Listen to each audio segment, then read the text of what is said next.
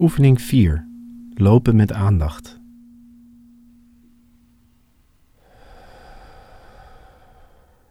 Deze oefening kun je doen met of zonder schoenen aan. Ga stevig staan op beide voeten en maak contact met de aarde. Ontspan je schouders, ontspan je billen, je knieën, je handen en je voeten. Voel de ondergrond. Voel op welke punten je voeten de aarde raken. En probeer je gewicht gelijk te verspreiden over beide voeten.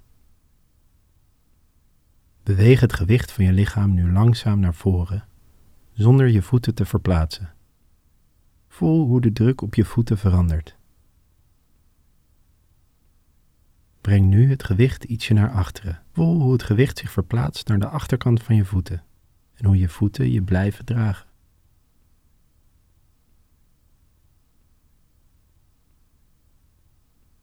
Kom weer in een neutrale houding. Schud even met je armen en je benen. Adem ontspannen in en uit.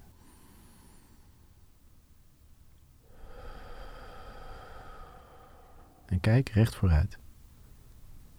Begin nu heel langzaam te lopen. Stap voor stap. Zet op elke inademing en op elke uitademing een kleine halve stap.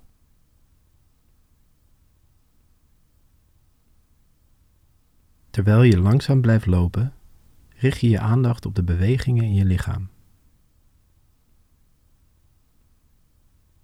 Voel hoe je voet van de hak naar de bal van de voet afrolt.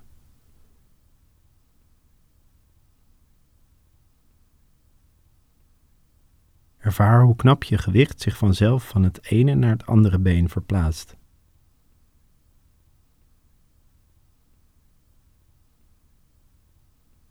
Voel hoe jouw lichaam in evenwicht is.